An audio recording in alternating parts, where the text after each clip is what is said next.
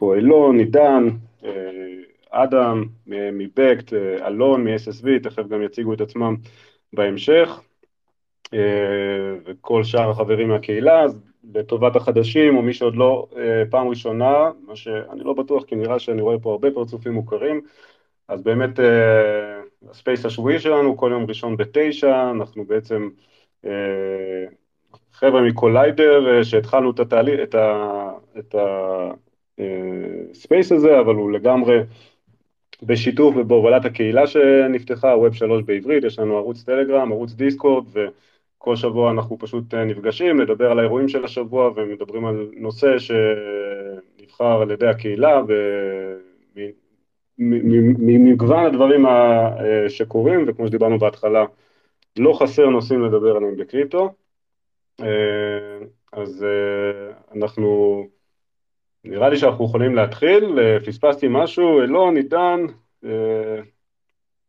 לא, אתה מושלם, את זה מושלם.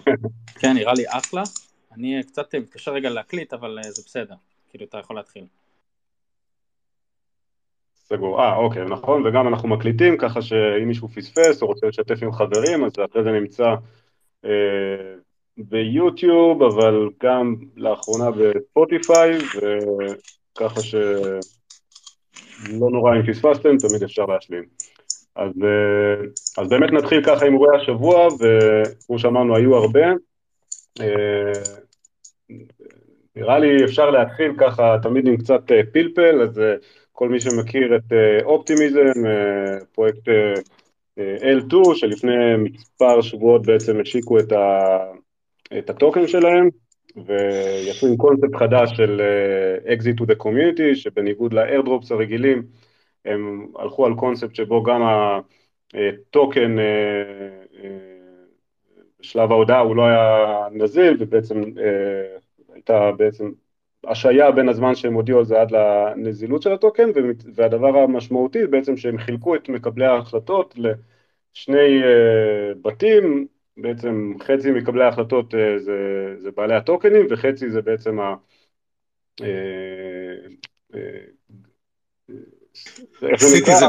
האזרחים. נכון, citizens house, וזה בעצם דומה לקונספטים שאנחנו רואים בדמוקרטיות כמו בפרלמנט והסנאט, וזה בפני עצמו נושא שאפשר לדבר עליו, עידן אתה רוצה? אפשר גם להרחיב, אבל נראה לי שמה שקרה במיוחד השבוע שבעצם במהלך כל אותו תהליך של יציאה לקהילה קרה אירוע מעניין שכל פעם מוסיף עוד, עולה על הדמיון על איזה תחכום ומה אפשר לעשות כשלא חושבים על הכל. עידן בא לך קצת לשתף על זה?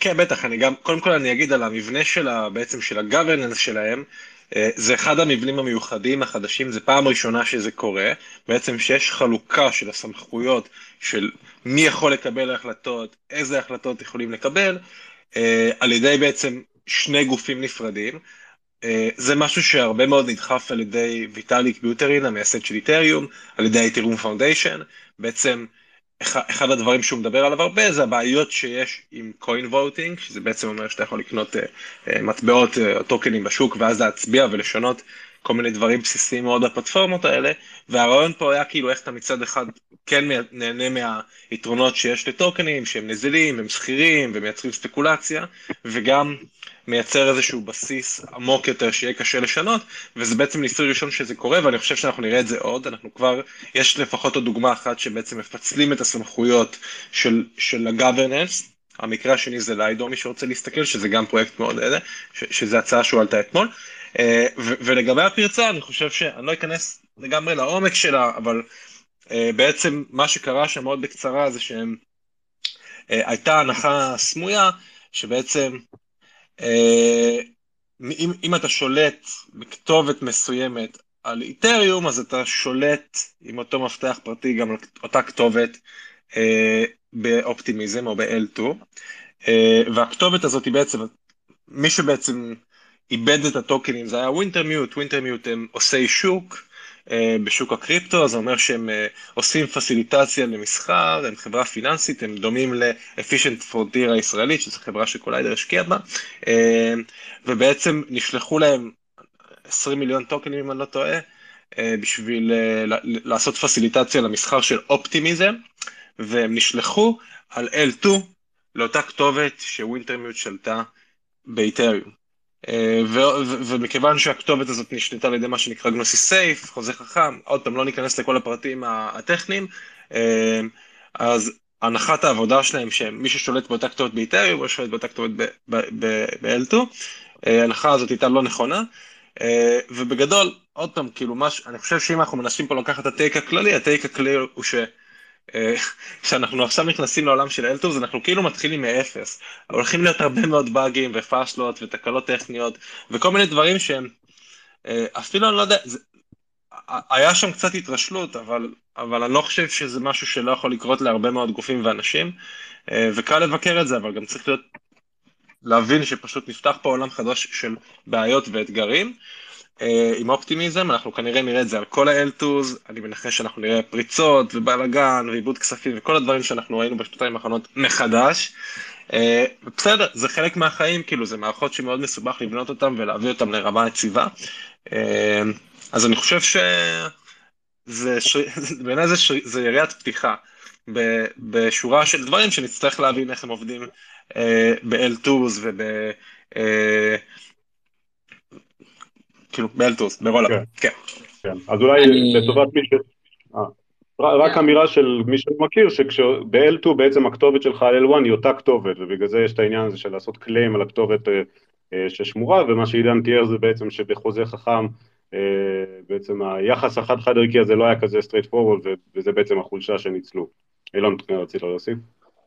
כן, אני רק אגיד שכאילו, אני זה היה נראה לי בקורונה, אני עבדתי עם איזה דאו, אה, דרך אגב הייתי גם עם עדה וגם עם ליאור בדאו-סטאק, עבדתי עם דאו שקוראים לו DXDAO ועשינו, אה, בניתי העתק בעצם של הדאו מ mainnet למה שעכשיו הפך להיות Gnosis Chain, בזמנו זה היה xDai, וכאילו בחלק מההבנה של הדוקומנטציה אתה מבין ש Gnosis Safe בעצם זה לא תהליך דטרמיניסטי, אתה לא, כתובת איתריום לא תמיד תיצור את אותו public key ב Gnosis Safe, וזה משהו שהוא, עם, עם כל הכבוד, זה, זה די טריוויאלי, אמ, ויש כאן אה, להתיר רשלנות גם של אה, אופטימיזם וגם של ווינטרמיוט. אמ, אז כן, כאילו, אני, חושב ש, ש, שצריך כאילו, אה, אני לא, לא חושב שצריך לתת להם איזשהו benefit of the doubt, ו-they need to be held accountable, ויש כאן פשוט רשלנות. אולי קצת לך, כאילו, אילון, זה כן דטרמיניסטי, אבל...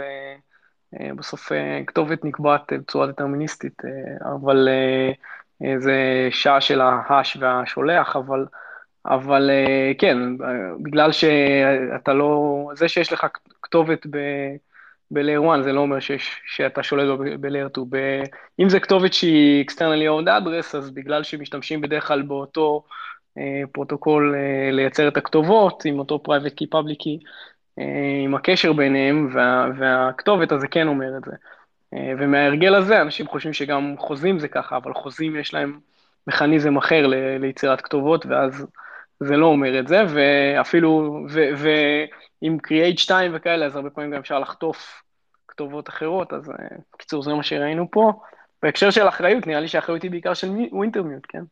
אופטימיזם אולי אפשר להאשים אותם ב-UX, שהם לא עשו את זה יותר ברור ב-Layer 2 אולי צריך, אה, אבל בסוף כשאתה שולח למישהו כסף, קשה לוודא שהוא, שהוא שולט בכתובת באמת. כן, ומה שהיה מעניין באמת שאחר כך הכסף הוחזר והפורץ בעצם לפני שהוא החזיר הוא שלח מיליון טוקנים לויטאליק מסוג של אוקיי שוויטאליק יראה לאיזה, לאיזה ארנק להחזיר והתוקף הולך אחריו עכשיו פה יש ספקולציות, האם עלו עליו ולכן הוא החזיר אה, את, ה, את הכסף, אה, או שהיה איזשהו דיל, כי בעצם הוא, אם אני לא טועה, השאיר מיליון טוקנים אה, לעצמו, אבל זה סוף הסיפור ונגמר פחות נורא ממה, ש, ממה שהיה. כן, יש, יש איזו פרקטיקה שקצת קורית כזה היום ב, ב, אצל חלק מההאקרים באיתריום, שזה כאילו בוא אני קודם כל אפרוץ, ואז אני אחזיר חלק מהכסף, שברור שזו פרקטיקה מאוד מאוד גרועה, אמ, אבל כן, בואו נפרוץ ואז נשמור 10% מהכסף, או 5% מהכסף, משהו בסגנון. אה, זה משהו שקורה. אז אה, טוב. זה כנראה מה שקרה גם פה. האמת שאני חושב שזו פרקטיקה טובה, אבל זה לא נושא הדיון, אז לא, נראה לי שלא נפתח את זה. נעשה על זה space משלו. מעולה, אז, אז אני עובר לנושא הבא, ונושא שתמיד הוא ככה קשוח, אבל אה, ננסה לפרק אותו, נושא הרגולציה. אז אה, יש לנו פה איתנו דן, שדן אה, איתנו בקוליידר, בצד הליגל, uh, השבוע ככה סקר את ההתפתחויות בצד הלגלי. דן, אתה, אני רוצה לראות רק שהצלחת להיות ספיקר. כן, הצלחתי. מעולה, אז אני מעביר לך את המיקרופון, שתף איתנו קצת להדיוטים בינינו, מה בדיוק קרה ולמה זה מעניין. כן, תודה ליאור.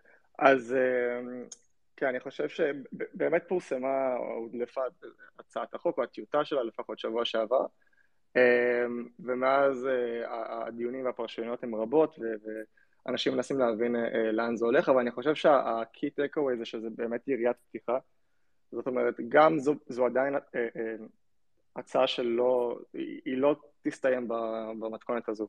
הולך להיות הרבה דיונים והצעות, וראינו את חברות הקונגרס ש, שעומדות להגיש את ההצעה הן עכשיו בקונסנזוס, אז זה בטוח שאנשים מדברים איתם ולוחשים להם באוזן אה, אה, אה, איפה כדאי לשפר ולשנות. וגם החוק עצמו הוא כולל הרבה הוראות ליצור ועדות וליצור נושאים שלמים שאומרים ש, שצריך לקבוע חוקים לגביהם. זאת אומרת שבהגדרה דברים לא עומדים להסתיים בחוק הזה. קצת על הנקודות המעניינות שכן אה, אה, נגעו בהן, אה, משהו שככה נוגע להרבה, להרבה אנשים, אבל קודם כל יש פטור ממס על שימוש, שימוש זעיר, אפשר לקרוא לזה, במטבעות לשימוש יומיומי, אז בעצם לא משלמים מס רווחי על זה, שזה ככה נקודה שתעזור להשתמש ולהכניס את המטבעות לשימוש יומיומי, גם רווחים ל-staking ו-mining, לא יוכרו, יוכרו ביום, ה... ביום שמקבלים אותם, אלא רק במכירה, וזה אה, אה, מן הסתם pain די רציני אה, בענף, ואיזשהו מקור מחלוקת עם רגולטורים להרבה אנשים שמתעסקים ב-mining. רק אולי להבהיר, כדי שלמי שלא מכיר, מדובר על רגולציה בעצם טיוטה בארצות הברית, שזה לא כרגע אומר שזה הולך להשפיע פה בישראל, אבל לרוב ישראל הרבה פעמים ושאר העולם עושה סוג של פולו אחרי הלידרשיפ של מה שהרגולטור האמריקאי מוציא. אז תודה ליאור שהחזרת אותי, אני חי את זה כבר כמה ימים, מדובר בטיוטת הצעת חוק בארצות הברית, נראה גם איך היא באמת תחלחל למקומות אחרים בעולם, אמ, אבל אין ספק שיש איזשהו אמפסיס אה, אה, מאוד משמעותי על ארצות הברית. אמ, כן, לדוגמה נושאים שלא מטופלים בשום צורה זה DeFi, אה, לא יודעים איך יתייחסו לפעילות שמתבצעת שם. אה, לא, לא נראה שהם הפנימו את הקונספט של חוזים חכמים. אה, אה, נקודה אחת שבעיקר לאור האירועים האחרונים, stablecoins, אז תידרש רזרבה של דולר נכס לדולר או למטבע פיאט כלשהו שבעצם מונפק כ-stable. אז כן, יש הרבה נושאים שככה הוסדרו ומשמעותית הרבה נושאים ותחומים שבאמת לא היה אפשר להיכנס אליהם ב-69 עמודי חוק, אה, אז נראה עוד איך זה יתפתח. כן, עידן, לך על זה. אני רציתי לשאול, אה, יש לי שתי שאלות. אה, שאלות לא קשות. לא, לא אתקיל פה בשאלות יותר מדי משפטיות, אבל השאלה הראשונה שלי זה, אתה יודע, אפילו מסולם של 1 עד 10, כאילו כמה אתה מרגיש מהיכרותך עם, אתה יודע, הבעיות הכי אינטימיות של העולם והמורכבויות הגדולות, כמה אתה מרגיש שהחוק הזה עונה עליהם? אתה יודע שעשר זה אומר שזה ממש שונה, שזה ברור שזה לא, לאח, אה, לאחד שזה לא עונה על כלום. אתה יודע, כמה אתה מרגיש שהתקדמנו בסקאלה הזאת? אה, והשאלה השנייה שלי זה, זה, זה, אתה יודע, כמה אתה מרגיש שמתוך מתוך הקריאה של החוק והטיוטה, שיש להם הבנה של מה שקורה, כי לפעמים אנחנו מקבלים את הפידבק הזה כזה מרגולטורים שאנחנו יושבים ומאנשים בממשלה שהם לא ממש מצליחים להבין את ה-web שלוש הזה, הם עדיין תקועים, אתה יודע, בעולם של ה-trading וביטקוין ומינוף, והם כאילו, קשה להם לעשות את הקפיצת מדרגה הזאת אולי לאיפה שאנחנו נמצאים בה היום. אז אה, אה, איפה אתה מרגיש כן. שהטיוטה הזאת מהבחינה הזאת? אז, אז לגבי השאלה הראשונה, אני מן הסתם חייב לענות תלוי, כי אני עורך דין. אה, אבל באמת זה תלוי, כי, כי לא, לא הכל מוסדר פה. בהגדרה אבל, כי הם ממש מציינים בחוק נושאים שלמים אבל די מפורטים, זאת אומרת זה מראה על הבנה, אבל גם מראה על, על מין ניסיון ככה ליצור אה, אה, הסדר שהוא גם קובע כמה חוקים וגם קובע כמה עקרונות לאיך אנחנו נסדיר את הדברים האלו בעתיד ו-going forward. אה, זה הוראות ל-IRS, לרשות המס האמריקאית, אה, בעצם לתת guidelines אה, יותר מתאימים לגבי מיסוי של קריפטו. זאת אומרת שיש הסדרה של כמה נושאים קונקרטיים, אבל גם איזשהו road map, איך נוכל להתמודד עם, ה, עם מגוון הנושאים שקריפטו מעלה. לגבי הנקודה השנייה, תזכיר לי מה הייתה? כמה אתה מרגיש שהם מבינים כאילו את המורכבות של העולם הזה, וכאילו, אתה יודע, את התזה של ווב שלוש, ולא בהכרח, אתה יודע, של ביטקוין ומטבעות ו... אז, אז תראה, לגבי זה, אמ, מצד אחד יש, יש איזשהו פער אה, מובן, למשל, רגולציה שהם רוצים אה, לשים אולי על, אה, על DeFi, או Decentralized Exchanges, יותר נכון, או Automated Market Makers, מראה שהם לא ממש מבינים את הקונספט שזה חוזה חכם שרץ על בלוקצ'יין. מצד שני, הם כן מכניסים פה ניואנס אה, שלא ציינתי, ניואנס די חשוב אה, לגבי securities, ניירות ערך, שהם התייחסו להרבה מהטוקנים כאיזשהו יצור באמצע, בין security לבין אה, מטבע רגיל, או איזושהי סחורה כמו שבאמת ביטקוין ואיתר עומדים להיות, או שהם כבר בעצם, ואז יוריד הרבה מהלחץ הזה. שהרבה פרויקטים מצויים בו, שהם לא צריכים עכשיו באמת להגיש תשקיף, ושהם לא עשו את זה מן הסתם, אבל גם אין עליהם את הלחץ ש-SEC וגיא גנסלר אה, ירוצו בעקבותם. אה, אז ממש מנסים אה, ככה לתחום את העולם הזה ולהגיד שקודם כל מטבעות יהיו commodities, סחורות, אם לא אתה תהיה איפשהו באמצע, אתה תמיד יכול ללכת לכיוון הזה, ככל שאתה יותר decentralized, אתה בעצם ככה מתרחק מה-supervision מה, של ה-SEC, אז יש כאן הבנה מסוימת ש, שזה לא בדיוק securities. אה, אה, אמ, אז שוב, לא מושלם, אבל זו יריית פתיחה והיא חיובית. אני, גם יש לי שאלה או שאלה וחצי, אם אפשר, דן. כן. אז אמרת שהסטייבל קוין זה one to one הם מבקשים, אבל זה one to one ממש בדולר, או שכמו שה... כמו שבארצות הברית כפו על סירקל, שהם יכולים גם פק"מים כאלה? לא, זה יהיה בנכסים, נכסים כלשהם, אה, כן, זה אוקיי, לא... אוקיי, אוקיי, סבבה, לא דולר ממש, אבל אה, כן. אוקיי, מעולה, אז זה כמו סירקל כרגע. אה, והשאלה השנייה לגבי ה-AMM, אם אני עוד לא קראתי פשוט, אבל כאילו איכשהו לפי מה ש Uniswap עשו, וזה נראה לי שהדבר הזה ילך לכיוון של פשרה שההגבלות יהיו ב-front-end. והחוזים יישארו, כי יש לזה איזה חיזוק למה שאני אומר שם, או שהם פשוט לא... יכול להיות, אבל אתה מסכים איתי שהרבה שירות, אז אולי Uniswap יהיו טיפה יותר אה, אה, מסורתיים, כי יש עליהם יותר focal point, אבל הרבה שירותים אחרים אתה פשוט יכול לספק liquidity, אתה יכול... לא, זה ברור שזה לא אומר כן. כלום בעצם, כי, כי ה-front-end אפשר לייצר אלף כמוהו בדקה, כן, אז... אה, אבל, אבל בסוף את החוזים אי אפשר באמת להגביל, כן, ועם זה צריך להתמודד. נכון, אה, יכול להיות שיהיו שירותים מסוימים שיצליחו באמצעות front-end יותר מצומצם לענות על הרגולציה. יכול להיות. זה נשמע כמו, זאת אומרת, בכלל רגולציה וקריפטו זה כמו איזה סוג של אוקסימורון כזה, כשמסתכלים על זה על טווח ארוך, כי מצד אחד מדובר על להוציא את הכוח מידיים ריכוזיות, מצד שני הרבה מאוד, ואני חושב שרובנו בתחום כן מחפשים למצוא את המקום שבסוף עושים טרנספורמציה לעולם ולא רק נלחמים בו. ומכניסים את הכלכלה המסורתית, אז זה מרגיש לי כאילו זה איזשהו תחילתו של גשר, אבל ה-friction הזה תמיד יהיה קיים, כמו שעכשיו אדם אמרת, בסוף כאילו אתה יכול לתת רגולציה על ה-front-end, אבל תמיד אנשים יכולים לבוא ולתת, אה, אה, לייצר אה, חוזים שכל אחד יכול לגשת אליהם, וזה יהיה משחק של חתול ועכבר, כי מחר בבוקר גם, וזה כבר קורה זה, שאפשר ל, אה, לעשות deployment גם ל-front-end מבוזר, ואז יישאל השאלה מי אחראי על הדבר הזה, אז זה סוג של אה, מעין אה, מסע כזה, נקרא לזה, שלא, שלא נגמר, אבל אה, הנקודת התחלה הזאת היא חיובית, כי היא כן מייצרת איזשהו clarity למי שרוצה לבוא ולהתחיל לעבוד. Okay, אני מסכים איתך, ואני לא מתכוון להיות נביא או משהו, זה, זה עולם של לא ברור מתי החוק וכל הרגולציה הזאת תפסיק ככה לנסות לרדוף אחרי הקריפטו, אבל זה, זה קורה ואנחנו רואים את זה יום יום, לא יודעים איפה זה ייגמר. מעולה, אז עוד דברים שחשוב להכיר או רצית להוסיף או מישהו רוצה לשאול מהקהל? לפני שעוברים לנושא הבא.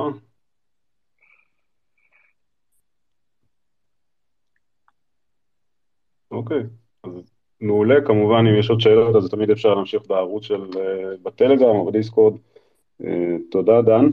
תודה. אה, נראה לי, אפשר לגעת בכמה דברים קטנים שקרו, אחד מהם ג'ק דורסי מודיע, גבירותיי ורבותיי, ווב 5. עוד לא הספקנו לבנות את ווב 3, ווב 4 אף אחד לא יודע מה זה, וג'ק דורסי מגיע עם ווב 5.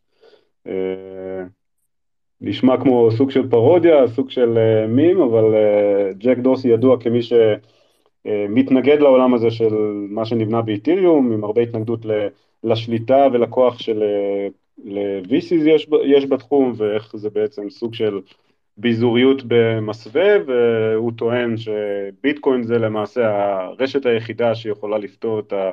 אה, את הנושא הזה של ביזור, ובעצם הצוות שהוא הקים, נראה לי נקרא TBD, הם לא נתנו להם שם, אה, מודיע היום על למעשה בעצם החזון של איתיריום על גבי רשת הביטקוין או Lightning, אני אפילו לא יודע איך, איך זה עובד, אם מישהו רוצה להגיד כמה מילים, להיכנס על, ה... על זה, עידן. אה, אני אגיד ש... אה, אילון, קדימה. אז אני אגיד כמה מילים שיש, כן, אז כמו שליאור אמר, נראה לי, ג'ק דורסי הוא, אה, אה, הוא בוא נגיד, אה, נכנס למין קרב כזה עם ה-VCs, או אפילו צייץ כמה פעמים כזה של Web A16Z וכל מיני דברים כאלה. וכן, כאילו, נכנסתי לזה ממש בקטנה, אבל ה premise פה הוא ש, שאין tokens.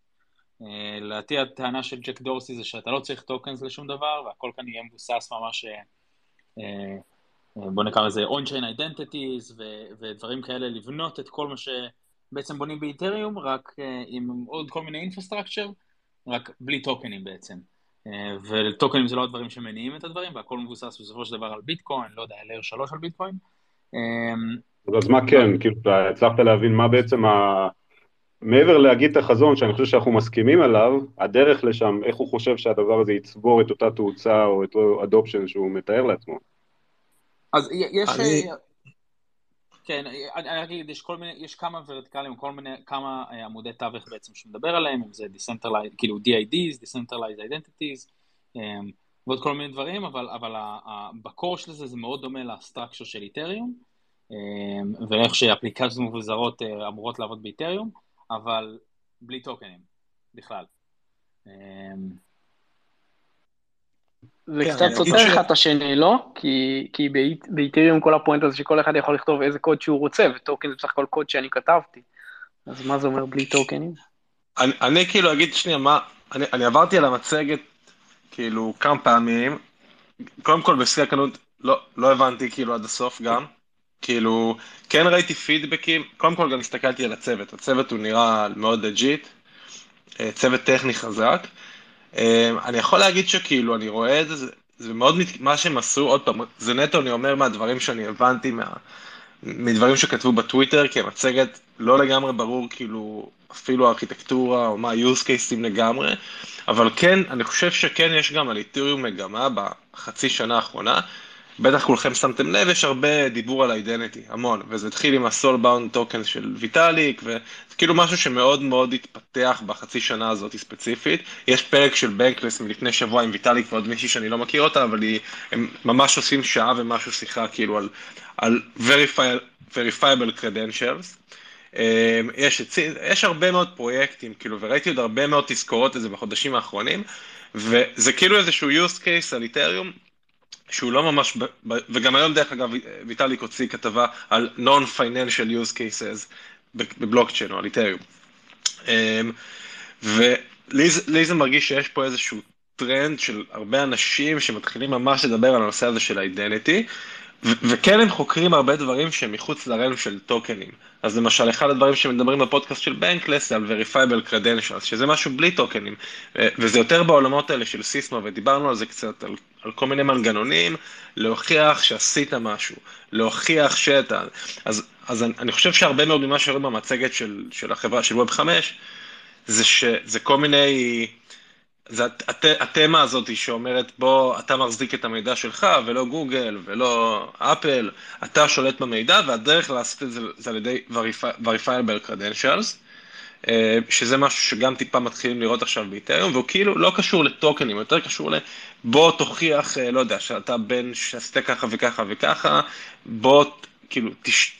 עוד פעם, ואני לא מבין איך הם מתכננים ליישם את זה בבקאנד, אבל האינפורמציה שלך אתה תהיה בשליטה שלה, וזה מזכיר לי קצת גם את הדברים שאני מכיר מפיילקוין, שיש לך סוג של, שפיילקוין בנו איזשהו מבנה כזה, שבמקום שאתה נגיד, אה, יש לך כתובת IP ואתה הולך לאיזשהו אתר מסוים, וכל האינטרנט נבנה סביב איזושהי routing machine כזה שמביא אותך לכתובת הזאת, אז במקום זה בוא, בוא תעשה hash של כל האתר ושל כל הדאטה, וה hash הזה אתה יכול לחפש אותו, כבר, וה, וה, והמידע מפוזר בהרבה מאוד כאילו כתובות, הרבה מאוד שרתים באינטרנט ואתה תקבל את אחד מהם. זאת אומרת איזשהו ניסיון כזה לשנות את הדינמיקה של האינטרנט מארכיטקטורה כזה של שרת לקוח לאיזושהי דינמיקה כזאת שהיא משהו בין פיילקוין ל-Verifiable Credential, עוד פעם, ממה שאני מבין. אין שם שום תזכורת לביטקוין, כאילו לא הבנתי בכלל מה הקשר לביטקוין ואיך זה אמור להיות בנוי על ביטקוין ומה הקשר לביטקוין. כאילו, אבל כן ראיתי שיש שם ביטקויניסטים כאלה מקסימליסטים בצוות, שממש בקטע של זה. אני ממש לא מבין איך הכל מתחבר, ואני חייב לומר שכאילו, אם לפני שנתיים הייתי רואה, משפט אחרון, אם לפני שנתיים הייתי רואה צוות כזה, ואומר, וואו, מטורף, ג'ק דורסי וזה, תשמעו, היה להם את הצוות ב Bluesky, בטוויטר, שהוא צוות בין 3-4, שגם היה צוות מאוד חזק, שהיה אמור לעשות social media, decentralized social media לפני 3-4 שנים, לא יודע, אני עקבתי אחריהם, הם לא הוציאו שום דבר כמעט בארבע שנים האחרונות, לא הוציאו שום מוצר, לא הוציאו ש... בקושי תוכן כאילו, וזה פרויקט שנתקע בקיר, ואני חושב שלא יודע, משהו בפרויקטים, ה... זה, זה כאילו אני מרגיש לי לא נכון לבוא ולייצר באז מטורף ו marketing ולהוציא מצגת שהיא בעיניי חצי אפויה. זאת אומרת, אם אני מסתכל על מצגת ואין לי fucking מושג מה הם עושים שם בכלל, אז אני חושב שזו מצגת לא טובה, ואני חושב שזה לא כל כך נכון גם בתור לבנות פרויקט, לעשות את זה בצורה הזאת, גם אם אתה בן אדם כמו ג'ק דורסי שיש לו credentials מטורפים, אבל זה התחושות האישיות שלי. כן, אז יש פה נילי ביקשה לדבר, נילי את שומעת אותנו? אה, אתם שומעים אותי בסדר? האוזניות שלי כן. אולי קצת בעייתיות. אוקיי. אה, בעניין הזהות, אה, יש פרויקט שאני כבר שנתיים מעורבת בו, מוביל אותו כרגע קרייג אה, סלרס, שעשה את, אה, אית'ר, לא אית'ר, sorry, נו, תתר. הוא זה שכתב את הקוד לתתר, הוא היה באומני, הוא מישהו מאוד רציני, קצת יותר מדי יסודי, בגלל זה הדברים לוקחים הרבה זמן.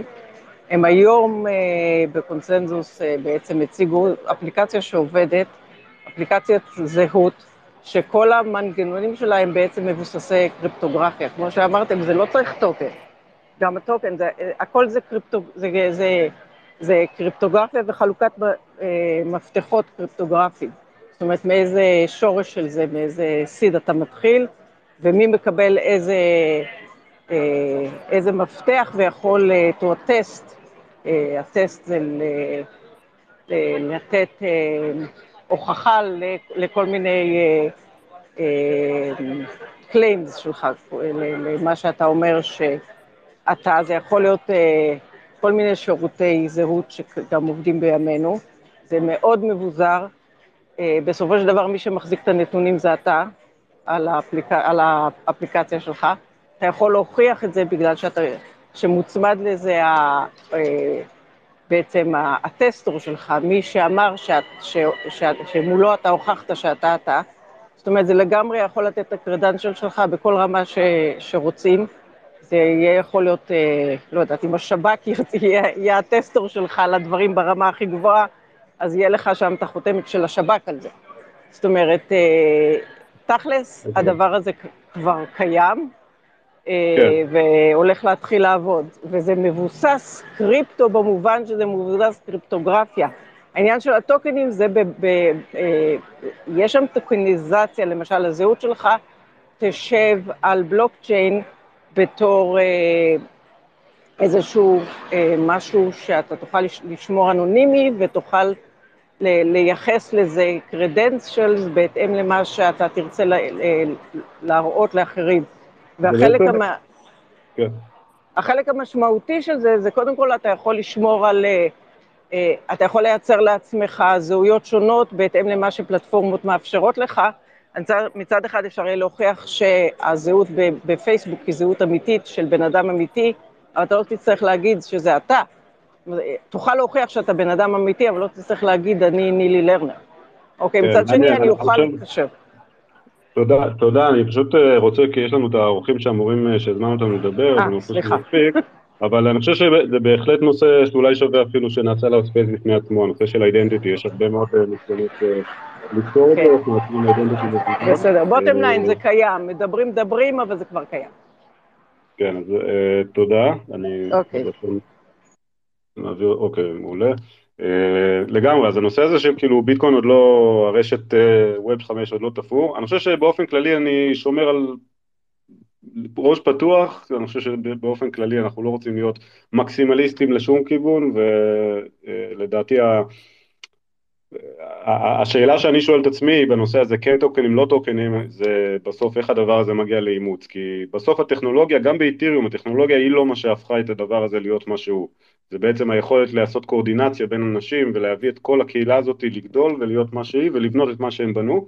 ונרצה, נאהב את זה או לא, הנושא של הטוקנים היה לו מרכיב מאוד uh, חזק, הנושא הזה של הגריד והרצון של אנשים והיכולת של אנשים לדעת שממה שהם יבנו יש להם גם יכולת להצליח ולקבל בעלות על, ה, על הפלטפורמה שהם בונים, וזה יהיה מעניין לראות מה הגישה האלטרנטיבית שווב 5 מציע, uh, ונחכה ונראה.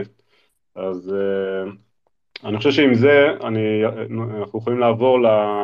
בעצם נושא ובאיזשהו נושא מגשר לנושא שאליו התכנסנו. אה, דיברנו, היום אנחנו נדבר באמת על, ה, על המרג' ובעצם מה שגם הביא אותנו ל, ל, לדבר או לחשוב על זה, זה שתי דברים. פעם אחת השבוע בעצם היה המרג' הראשון ברשת הטסטנט הראשונה, רופסטן של אית'ריום, שעבר עד כמה שידוע לי בהצלחה, היו כמה באגים או דברים שהוגדרו כשוליים, אבל נשמע פה מהמומחים איך הם רואים. אבל דבר נוסף קרה, שזה אולי גם יעזור לנו להבין מה זה בדיוק אומר המערכת החדשה שאליה אנחנו עוברים, שבעצם כל מה שכרוך ב staked ETH וה de-peg, אם זה בכלל אפשר לקרוא לזה ככה, שזה אירוע שתפס כותרות במהלך הסוף שבוע וגם אחראי לחלק ממה שקורה עכשיו בשווקים, שאנחנו רואים נפילה מאוד חדה במחירי האיתיריום וכל השוק בעקבותיו. בגדול ה... stETH, שזה בעצם claim על staked ETH, זה טוקן שנותן זכות על ETH שעשו איתו staking, שבעצם מייצר ריבית ב chain, ב Beacon Chain, שזה בעצם המעבר ל proof of stake, עליו אנחנו נדבר עכשיו. ובמהלך הסוף שבוע בעצם המחיר שתמיד היה אחד לאחד התחיל לרדת ונוצר על זה דיון שלם, האם זה תקין, האם זה לא תקין ומה המשמעות של כל זה. אז אני שם את זה כרקע, אני חושב שאפשר להתחיל לדבר קודם כל כרקע על מה זה בעצם ETH2, ותוך כדי נוכל גם לכסות את הנושא הזה. אז לטובת הנושא הזה הזמנו שלושה אורחים מכובדים, יש לנו פה את אדם לוי שהוא גם co-founder בעבר ב DAOstack, שמשם אילון ואני כולנו מכירים, והיום בעצם co-founder ב-Backed Finance. הוא יספר לנו גם מה, הם עושים ואיך זה קשור. נמצא פה שי, שי שומע אותנו, שי עוד לא דיבר היום, אז אני רק רוצה לראות שאתה איתנו. כן, אני כאן. אחלה, שי, ברוך הבא, אז שי הוא קורטי ממבר ב-Heads Finance, שזה פרויקט שאנחנו בקוליידר השקענו בו ועובדים מאוד צמוד איתם, בעצם Heads Finance, אני אתן לך מה שי אחרי זה לספר על זה. ונמצא איתנו אלון, שבוא נראה שאלון חזר, כי ראיתי שהוא ירד. כן, הזמנתי אותו לדבר בדיוק. אוקיי, אז אני נחכה שהוא יעלה לבמה, אז בינתיים נציג את אלון, אלון בעצם הוא פאונדר בבלוקס, שזה פרויקט מי שמהוותיקים עוד זוכר מ-2017, והיום SSV Network, שבעצם ניתן גם לאלון, אבל בינתיים אולי נתחיל ככה איתכם, אדם ושי, עד, ש... עד שבעצם אלון עולה.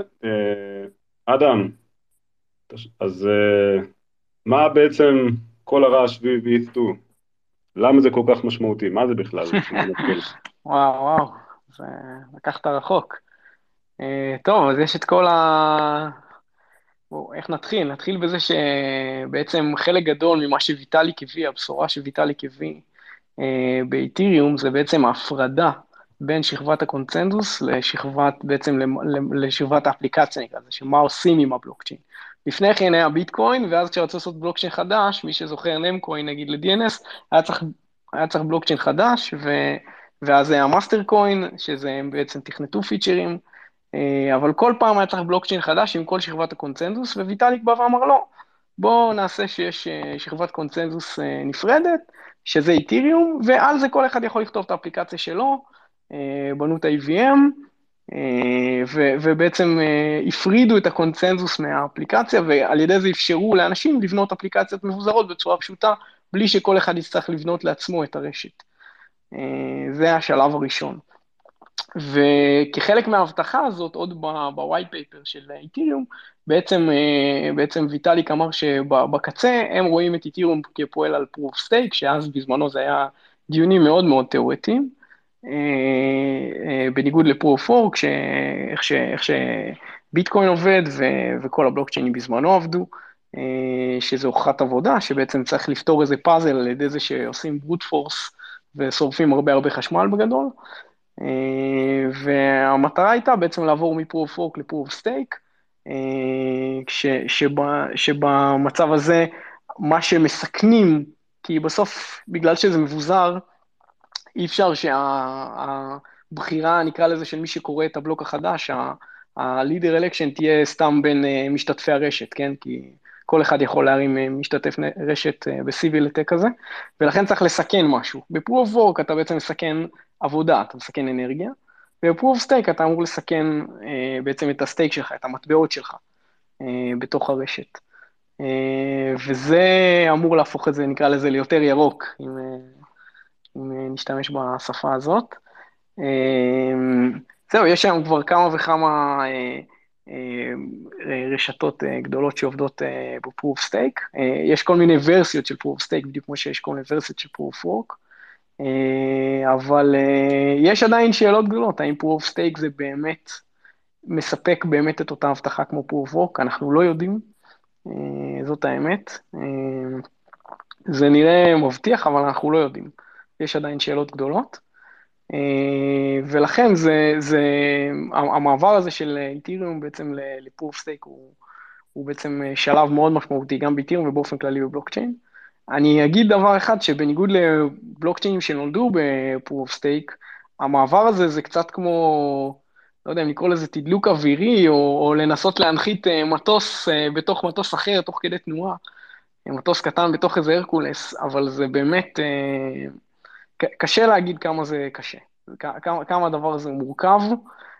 מדובר פה בשני קונצנזוסים, קונצנזוסים נפרדים, כרגע בעצם ETH ו-ETH2 זה שתי רשתות נפרדות. ETH2 הוא כאילו מצטט את ETH, אבל, אבל בגדול זה שתי רשתות נפרדות, ולחבר אותן זה באמת, זה דבר מורכב מאין כמוהו, ובגלל זה נעשו הרבה מאוד פשרות בחיבור הזה. כלומר, הרבה מאוד פיצ'רים שיכולים להיות, הם לא שם עדיין, המבנה של שני קליינטים שמדברים אחד עם השני זה מבנה מאוד לא אופטימלי, כלומר, היו הרבה הרבה הרבה הרבה פשרות שאתה יודע, אפשר לחלוק עליהן או, או, או לקבל אותן, אבל זה באמת מאוד מאוד מורכב הדבר הזה. אבל הניסוי עכשיו עבר בהצלחה, ו, וגם גנוסיס צ'יין, גם, גם בתור הפרונט ראנר של איתיום, גם עושים כזה, אז, אז בסוף אני מאמין שזה יקרה, ו- ו- ויקרה, אני מאמין בהצלחה, כי אני סומך על, ה- על החבר'ה שם, אבל זה באמת, באמת מורכב. ולא סתם זה נדחה כבר הרבה מאוד פעמים, וכרגע התאריך יעד זה מתישהו ב-Q3, Q4 השנה, נכון? אז זה בעצם הצפי כרגע. כן, אתה יודע, אז מי שזוכר, כשאיתיריום נולד, הוא נולד עם difficulty bomb, שבעצם היה אמור לכפות על הצוות לעבור ל proof of stake, ואז דחו אותו, ואז עוד פעם דחו אותו, ואז עוד פעם זה כבר נהיה בדיחה, difficulty bomb הזה. נדמה לי שהדחייה האחרונה הייתה ליוני, ועכשיו עוד פעם, וזה כאילו... אבל, אבל זה כן מראה את ה commitment של, ה... של הקהילה לעבור, ל... אתה יודע, אתה יכול, אפשר לעשות דיון האם זה טוב לעבור ל proof of stake או לא לעבור ל proof of stake, אבל, אבל זה כן מראה את ה commitment לעבור ל proof of stake. ה difficulty bomb הזה, למרות שזה כבר נהיה קצת פארסה שכל הזמן דוחים אותה, אבל נראה שזה, מה שנקרא, מתכנס, כן? אמנם... אוקיי, אוקיי, אז, אז אני רוצה באמת לשאול פה את שי, שבעברו, אתה בעצם בעברך היית מפתח בקליינט של ETH2, אז ככה לקבל קצת פרספקטיבה מבפנים, כמה, לא יודע, פשוט שאלה פתוחה, את החוויה שלך, של מה זה בעצם, ואולי בתור מי שעבד בפיתוח של זה, כמה זה מורכב, או מה הדברים שאנחנו מבחוץ לא רואים.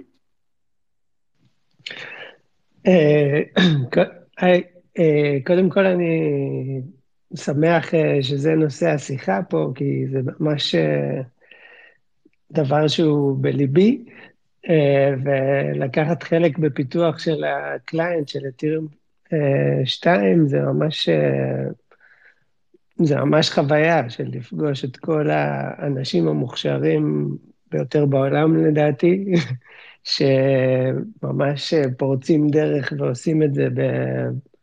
בימים ובלילות, ונתקלים בבעיות, היה צריך לפתור המון המון בעיות בשביל לאפשר את אתירום 2, כמו כל העניין של BLS signatures, שהיו בעצם בלעדיהם אי אפשר היה לעשות, לאפשר לכל כך הרבה validators לעבוד ביחד, ועם נטוורקינג שהוא סביר, והמון פריצות דרך שהיה צריך לעבור בשביל לאפשר את מה שאנחנו כרגע רואים, שרץ ברובסטן, ורצות עוד כמה רשתות כאלה. אז באמת, באמת זו פעולה של ממש אין דבר שאפשר להגיד על זה, חוץ מזה שזה ממש תנועה של אנשים שמאוד חדורי אמונה שהולכים לעשות משהו בשביל העולם, והרשת הזאת עומדת לשרת בשביל, את העולם, בשביל לעשות משהו טוב יותר. אז זה מבחינת טירום 2, ומבחינת באמת האתגרים, שקצת אדם הזכיר בקשר להבדלים בין כל מיני סוגים של POS, אז בעצם מה שקיים היום לרוב זה DPoS, שזה Delegated Proof of Stake, שזה נמצא בסולנה וכל מיני רשתות כאלה, שבעצם אתה נותן את ה... אתה אומר למישהו, תצביע עם המטבעות שלי. וחלק מהעניין בזה זה שזה, כאילו, זה בעיות של Proof of Stake, שרק חשבנו, שחשבו על הרעיון הזה ב... כמה שנים אחורה, כשיצרו את אתיריום, אז בעצם עלו כל מיני בעיות של nothing at stake בעצם. אם אתה שם איזשהו סטייק, אז מה בעצם קורה אם אתה לא, אם אתה לא משתף פעולה, אם אתה בא לפגוע ברשת.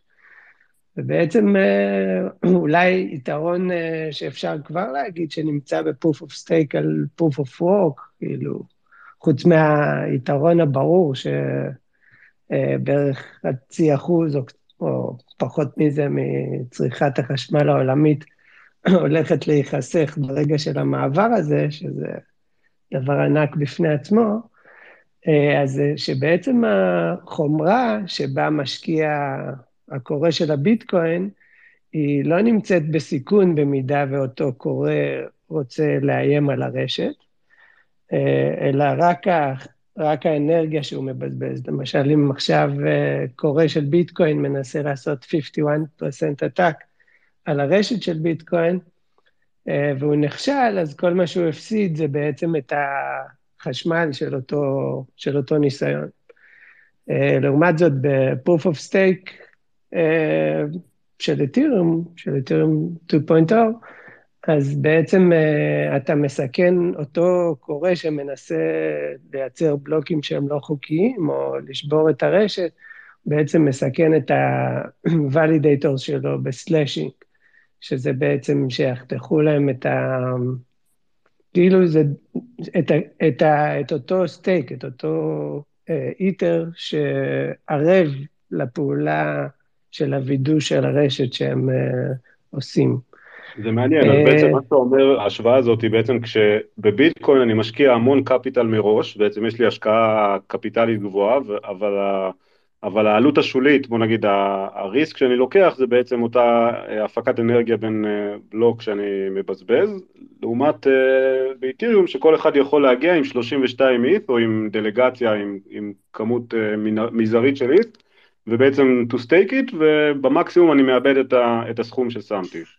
אני חושב שבשניהם יש לך השקעה שהיא קפיטלית, פשוט במקרה אחד, במקרה של, איתר, של ביטקוין יש לך מקרה פרטי של השקעה בציוד, במקרה של איתריום יש לך השקעה ב-E, זאת אומרת אם אתה רוצה להרים אה, היום אה, אה, מיינר בביטקוין אתה צריך לקנות ציוד, אה, ציוד קריאה, ואם אתה רוצה להקים ולידטור באיתריום אז אתה צריך לקנות 32 איט לפחות.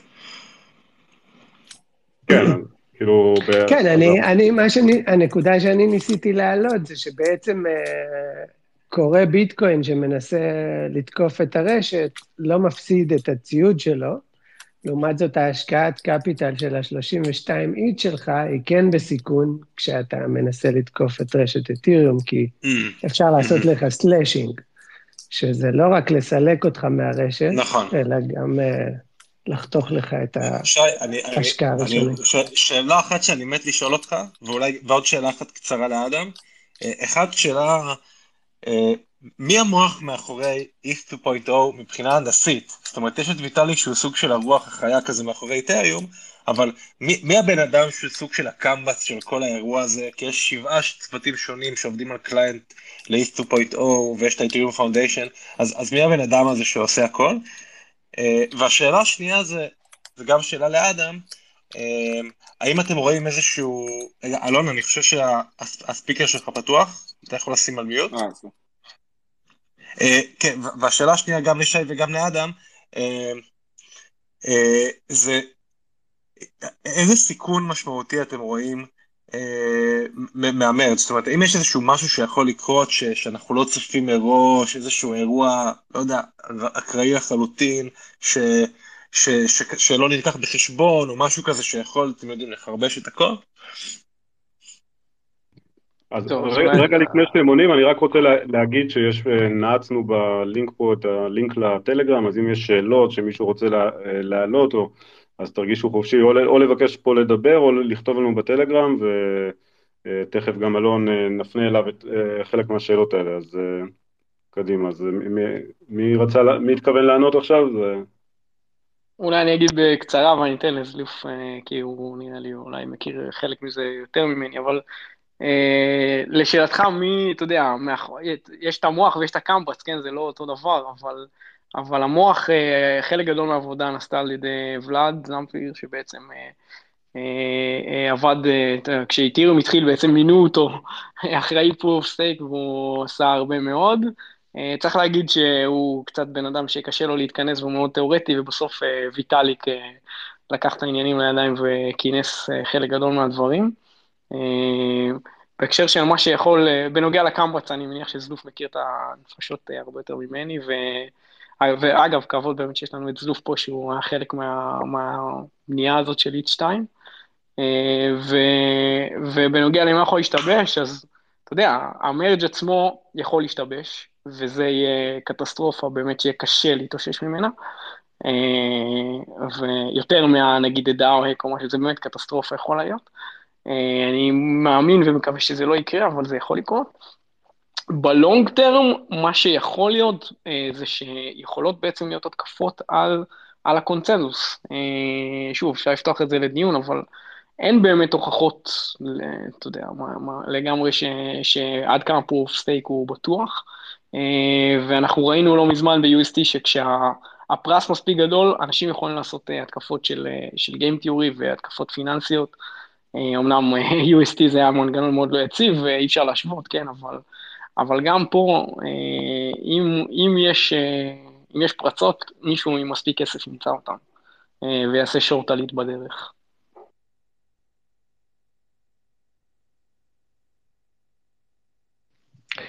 כן, אז אולי אני אגיד שזה לא, שמהניסיון שלי זה הפסיק להיות מישהו אחד שיוצר את כל זה. ברגע שבעצם היה איזשהו רעיון שבהתחלה תכננו לעשות את, את proof of stake על גבי החוזה חכם. אה, והתחילו לקדם את הרעיון הזה, ואז עלה רעיון שצריך לעשות ביקון צ'יין שהוא נפרד, והוא יהיה הקונצנזוס של proof of stake, ואז אה, בעצם על זה יבנו, יעבירו את החוזים החכמים אליו. אה, ואז הצוות של גט קצת הרים ידיים, הוא התבאס מהשינויי תוכניות האלה שקורים, ואז מה שאני זוכר לפחות שפריזמטיק לאבס, הצוות שהצטרפתי אליו, הרים את הכפפה ואמר, אנחנו מפתחים את זה, אנחנו נעבוד על זה, כי היה מין white paper שאף אחד לא הרים אותו. ואז הם אמרו, טוב, אנחנו כותבים את זה. ובעצם אה, מאותו רגע התחיל להיווצר צוות ש... של research, Ethereum research, כי Ethereum Foundation בעצם אה, רק תומך בקליינטים, אבל הוא לא, אה, בעצם הוא לא מנהל אותם והוא לא עושה שום דבר עם הקליינטים.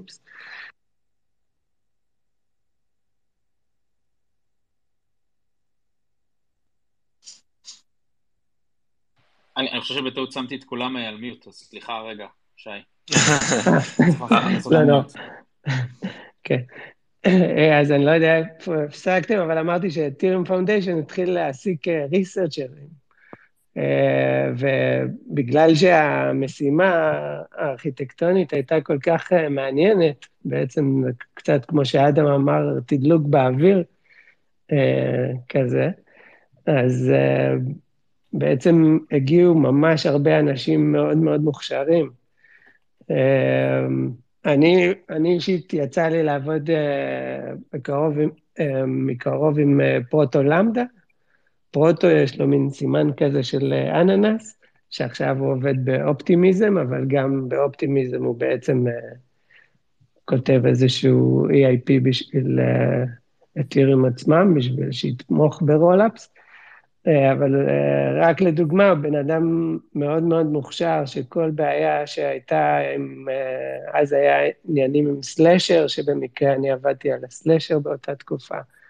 והיה צריך לפתור דברים שבעצם קשורים ל scaling, איך אתה יכול לנטר 300 אלף ולידטורים ולראות שאף אחד לא עשה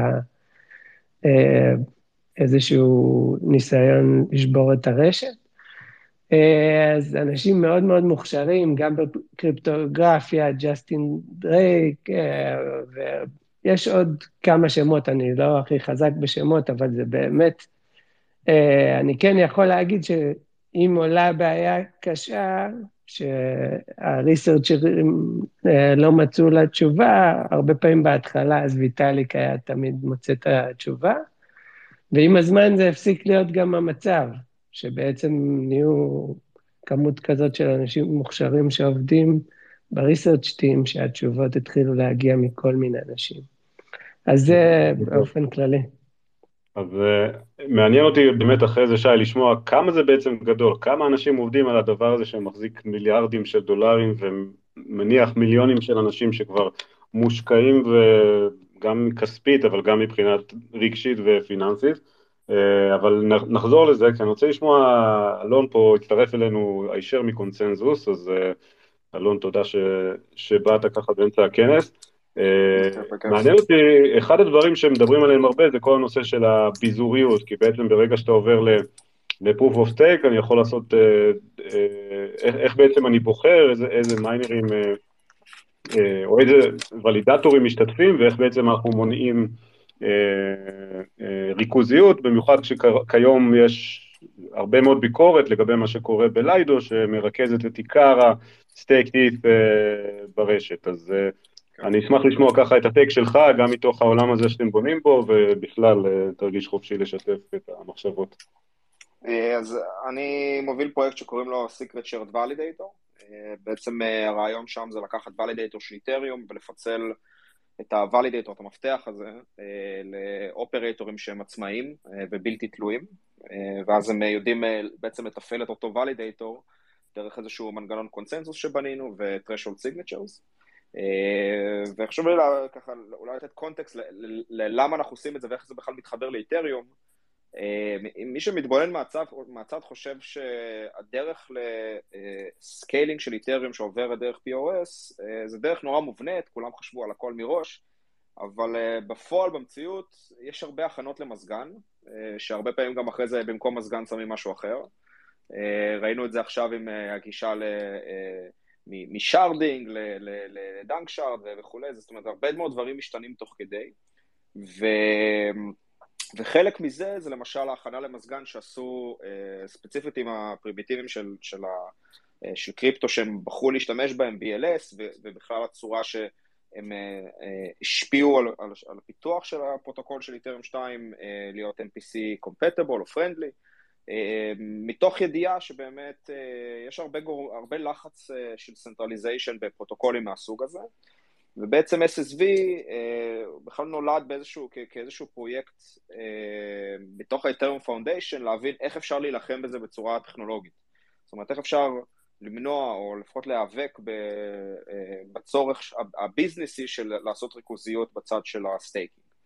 אמ, וה Ethereum Foundation, במיוחד הריסורצ'רים שם, הרבה פעמים עושים הכנות למזגן כאלה ומצפים שמישהו ייקח את זה ויבנה מזה פרויקט. אמ, וזה לא רק זה, אבל זה, זה, זה, זה הרבה פעמים ככה הדברים עובדים. אה, וספציפית לריכוזיות באיתריום, אה, אז כן, יש אה, המון ריכוזיות באיתריום כרגע. ספציפית אנחנו, עכשיו ליידו עלו לכותרות, אבל זה לא רק, אם מי שטיפה עוקב יודע שקראקן קנו לא מזמן את סטייק וויד אס, אמ, והיום מחזיקים כנראה באזור ה-20 אחוז, אפילו יותר אולי, מה stake העולמי.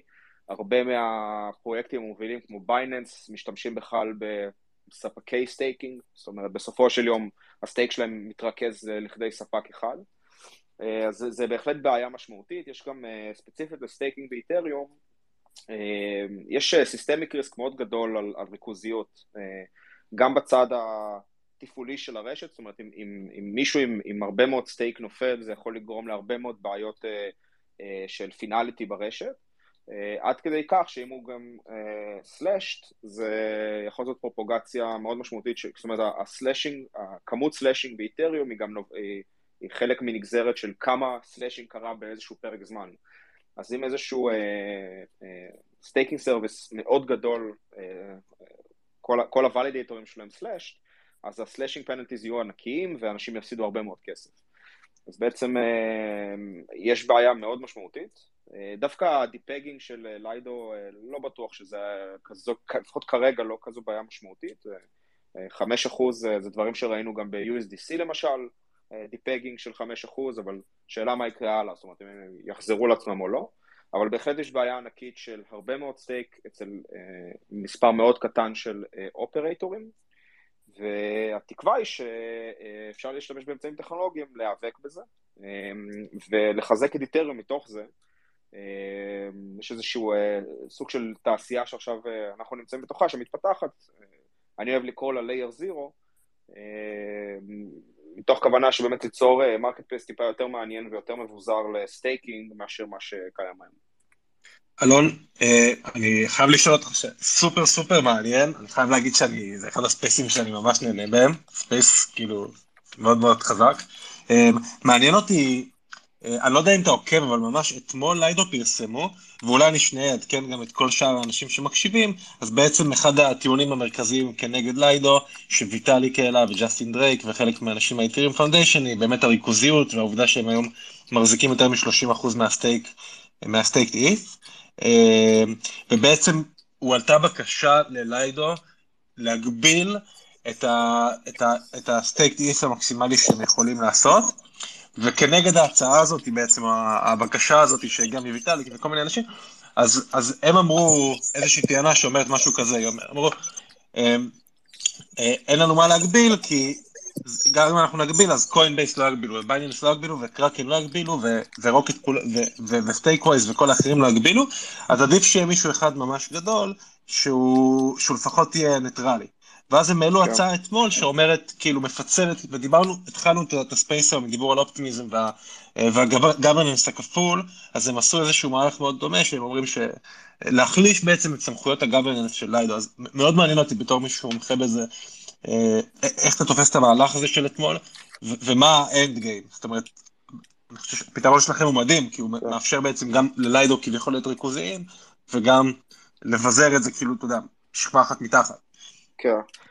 אני, חושב שכל הדיון כרגע סביב ליידו זה דיון על הסימפטום ולא על הבעיה, זאת אומרת, אה, שזה גם בסדר, כן? כי באמת יש אה, סימפטום עכשיו, אתה יודע, אם יש לך חום, אתה מנסה קודם להיאבק בחום, אחרי זה להבין מה המקור שלו, אם יש בעיה נוספת. אה, אבל זה לגמרי הסימפטום. אני חושב שכל המשחקים של ה-social engineering, של להגביל פרויקט כזה או פרויקט אחר, סופם לדעתי לא להצליח. גם השאלה מגביל למה, כן? כאילו, האם אתה מעדיף... איתריום מאוד ריכוזי, אבל עם שחקנים סופר מקצועיים, מאשר איתריום טיפה פחות ריכוזי, אבל עם שחקנים ממש גרועים, כאילו, social engineering זה נחמד ברעיון, הרבה פעמים זה נכשל בפועל, אה, אני חושב שצריך לדבר אה, בצורה מאוד גלויה, וזה נעשה, על מה באמת הפתרונות האמיתיים ומה מנסים לפתור. אה, Lido כ Lido, זה שיש להם הרבה stake זה לא הבעיה, הבעיה היא שיש ל Lido אופרטורים שאם אחד מהם נכשל, אחד זה כנראה יהיה מכה ענקית ל Lido, ושתיים זה יכול להשפיע על הכל. אה, על כל Lido אני מתכוון, ואם Lido יש להם אחוז מאוד גדול, אז זה משפיע על איתריום ככלל. אה, אבל Lido שוב זה רק הסימפטום, כי ב Lido יש אופרטורים כמו Figment, כמו Blockdaemon, שהם אה, מנהלים המון המון ולידטורים, אז כשאתה אומר Lido זה נחמד, אבל Figment מנהלים את כל ה stake של Binance. אז אוקיי, אז, אז Lido מוגבלים, אבל Figment לא מוגבלים. אז אם, אם מה קורה אם עכשיו יש ל Figment 15 או 20 אחוז? Uh, אני חושב שיש המון עליהום על Lido, uh, חלק בצדק, חלק לא. Uh, אני חושב ששוב, אפשר לדבר על הסימפטום, אבל הבעיה פה היא יותר עמוקה מזה. לאיתריום יש בעיה משמעותית, זאת אומרת, אם לא נצליח לפתור אותה, staking על איתריום יהפוך ל... אה, יותר גרוע ממה שהיה ריכוזיות ב-proof of work בצורה משמעותית, כי ב-proof of work יש לך בסוף אה, אה, משהו פיזי שאפשר מתישהו לנתק אותו מהחשמל, באיתריום כרגע אם אתה נותן את ה stake שלך לבייננס, לליידו וכולי, אתה לא יכול לנתק את זה מהחשמל, אז, אז הבעיה הריכוזיות, של ריכוזיות ב staking היא, היא משמעותית יותר גדולה. ואז גם השאלה היא... סליחה? לא, רק באתי לשאול, אז מה שאתם בונים בעצם, אתה אומר, אנחנו מנסים לפתור את ה... לא את התסמין, אלא את הבעיה, אתה, אתה חושב שהביזור אנחנו... של מפתחות הוולידציה הם בעצם הפת... הטיפול בשורש, או שגם זה בסוף כפוף לאותן אה, מחלות? אה, לא, אה, אני חושב שזה, זה, זה, זה, אני חושב שזה אה, תרופה, אה, לא לכל הבעיות, אבל חלק אה, ניכר מהם. אה, אני חושב שבסוף עדיין אם יש אה, מישהו כמו ליידו שהוא מלישס וינסה לתקוף, אז, אז אם יש לו הרבה סטייק הוא, הוא יכול להיות שיעשה דברים נוראים, אבל uh, אני חושב שזה גם תלוי מה אתה מגדיר כבעיה, כן? זאת אומרת, הבעיה הכי גדולה שלנו היום לדעתי עם ליידו זה לא שליידו יהיו מלישס, אלא שאחד מה operatorים שלהם או אחד או יותר מה operatorים שלהם יהיו malicious או uh, ייפרצו ו- ו- ומי שפרץ אותם יהיה malicious. אה, ואני חושב שבהקשר הזה SSV מטפל בבעיה, זאת אומרת SSV מפזר את, ה, את, את נקודות ה centralization אה, והשליטה על המפתח עצמו והופך את זה לזה שאם עכשיו ה operatorים, ה validatorים של ליידו רצים על SSV, אם ה operatorים Figment עכשיו אה, נפרצו או, או, או השתלטו עליהם בצורה כזו או אחרת, אז הם לא יכולים הם בעצמם ליצור ליצור בעיות לרשת, זאת אומרת, אתה צריך אה, איזשהו quorum של, של מספר operatorים שבאותו שנייה, באותה נקודה צריכים ביחד להיפרץ או, או להחליט שהם רוצים לתקוף את איתריום. רק להעביר על זה, זה יכול להיות גם cross network, זאת אומרת validatorים של ליידו ושל StakeWise ושל Rocket כן. Pool בעצם יכולים להחזיק כל אחד חלק ממפתח של validator בהחלט. מה, ש, מה שאנחנו בנינו, אנחנו לקחנו את, ה, את הטכנולוגיה הזאת שקוראים לה uh, Secret Shared Validator או DVT, זה, זה, זה אותו דבר בעצם, ויצרנו מזה רשת, יצרנו רשת של בעצם אנש, כל אחד שיכול לבוא, רשת שהיא permissionless, יכול לבוא ולהריץ node של SSV ברשת, ובעצם ברגע שהוא עושה את זה, להיות פתוח לזה שמישהו ייתן לו shareים להריץ. יש לך כל מיני סטים של operatorים, יש operatorים שהם אנונימיים, יש operatorים שהם verified, יש private operators, אבל מה שתיארת מקודם, הרעיון למשל שיהיה לך operatorים מ StakeWise, ליידו, קוינבייס וקראקן, ביחד עובדים על, על אותו validator, הוא לגמרי אפשרי. ואני, אגב, זה גם יקרה במציאות, כי בעצם, כמו שאמרתי מקודם, אתה יודע, Figment למשל עובדים גם בליידו וגם בבייננס ובאחרים. זאת אומרת, אותו operator יכול לעבוד במספר מקומות. מה ש-SSV מביא לשולחן, מעבר לזה שהוא מפצל את המפתח, הוא מביא fault tolerance. זאת אומרת, אם אחד מהם או, או איזשהו threshold מתוכם נפרץ, compromised באיזושהי צורה, בעצם הפרוטוקול ממשיך לתפעל את ה-validator, וה-validator הוא לא compromised. אבל אלון, שאלה, ממה שאני יודע לפחות, ממה שעכשיו אומרים בליידו, הסיכון המרכזי שהם מציגים, וזה מה שגם קראתי היום, הם אומרים שהסיכון המרכזי זה בעצם שליידו שולטים על, באופן מסוים על כל הוולידטורים, והסיכון הוא בעצם שהם יוכלו לעשות באיזושהי קואורדינציה, אתה יודע, ריאוגס או MEV, או כאילו, זה, זה להבנתי הסיכון, והוא עדיין קיים, כאילו, לא, ובעצם מה שהם עשו היום, כשהם הפרידו את הגוורננס, הם אמרו, אוקיי, נגיד ו, ומישהו ישתלט על כל ליידו, ואז הוא ינסה להצביע או לעשות איזושהי סינכרוניזציה, אז אנחנו בעצם לא מאפשרים, לא מאפשרים באמצעות גוורננס לעשות את הקואורדינציה הזאת, אז אתה יכול להסביר למה זה... לא, זה, זה, זה לא מדויק, ולכן אמרתי גם שהדיון סביב ליידו הוא בחלקו אה, קצת... אה, אה, אמוציונלי ובחלקו אמיתי. הגוורננס של ליידו אין לו שום נגיעה לסטייק עצמו, עם כל הכבוד. זאת אומרת, היום הליידו בתזורה שהם בהם עובדים, יש לך כ-20 או 30 אופרייטורים. האופרייטורים האלה הם, הם אלה שמחזיקים את ה-validator private key, אף אחד אחר לא מחזיק אותו, הם לא משתפים אותו, אולי הם עושים בקאפים אחרים, אבל אני לא מאמין, אני חושב שכל אחד מהם מחזיק לבד את ה-validator keys שהם ספציפיים שלו, כל, כל operator היום בליידו מחזיק באזור ה-6,000 validatorים. ככה ששום הצבעת governance לא תגרום לאף אחד מאותן חברות, שכולם הם שם חברות וחברות ידועות, שום החלטת governance לא תחליט, לא תגרום לחברות האלה לעשות collusion כנגד איתריום. אז, אז אני חושב שהפחד מזה הוא, הוא פחות מעניין. MEV בתנאים מסוימים כן, חד משמעי. אני יכול להגיד לך שהשיחות שלנו עם ליידו זה שליידו השתמשו ב-SSV בשביל להכניס permissionless operators ואז אתה גם יכול להוריד הרבה מהסיכון הזה. אני חושב שהסיכון הכי גדול שהיום ליידו מציבים זה שיש המון המון סטייק על האופרטורים שלהם ואם אחד מהם נכשל זה אחד יפיל את ליידו ואז אתה יודע זה, זה סוג של אנרכיה כזאת מיליארדי דולרים פתאום at risk, אלוהים יודע מה, מה יהיו התוצאות של זה. at risk אתה מתכוון ל slashing או משהו יותר מזה? זה לא חייב להיות אפילו slashing, אתה יודע, מספיק שהאקר מגיע ומצליח להשיג את ה-private keys האלה, הוא יכול לעשות גם פשוט לדרוש כופר, כאילו, המגוון התקיפות שיכולות להיות הן גדולות, זה לא משהו רק אחד. הוא יכול, אתה יודע, אני לא יודע מה, מה מדיניות ה backup של אותן חברות, אבל הוא יכול אולי להשמיד את ה backup, לעשות encryption ל backup, כאילו ראינו, ראינו כבר דברים מהסוג הזה, כן? בחברות מאוד מאוד גדולות שניזוקו מכופרה. אז זה יכול להיות מאוד דומה פה. אני חושב שבסופו של יום, הפחד הכי גדול והסיכון הראשון במעלה הוא בסופו של יום שיש לך single point of failure שמנהל הרבה מאוד כסף. אז אני חושב שברגע שתוכל לעבור מ single point of failure למשהו שהוא הרבה יותר distributed, אתה תוכל להוריד הרבה מאוד מהסיכון מהשולחן, המון, אתה עדיין נשאר עם סיכונים אחרים, זאת אומרת, יכול להיות מאוד שליידו יחליטו על מדיניות MEV שהיא נגד איתריום.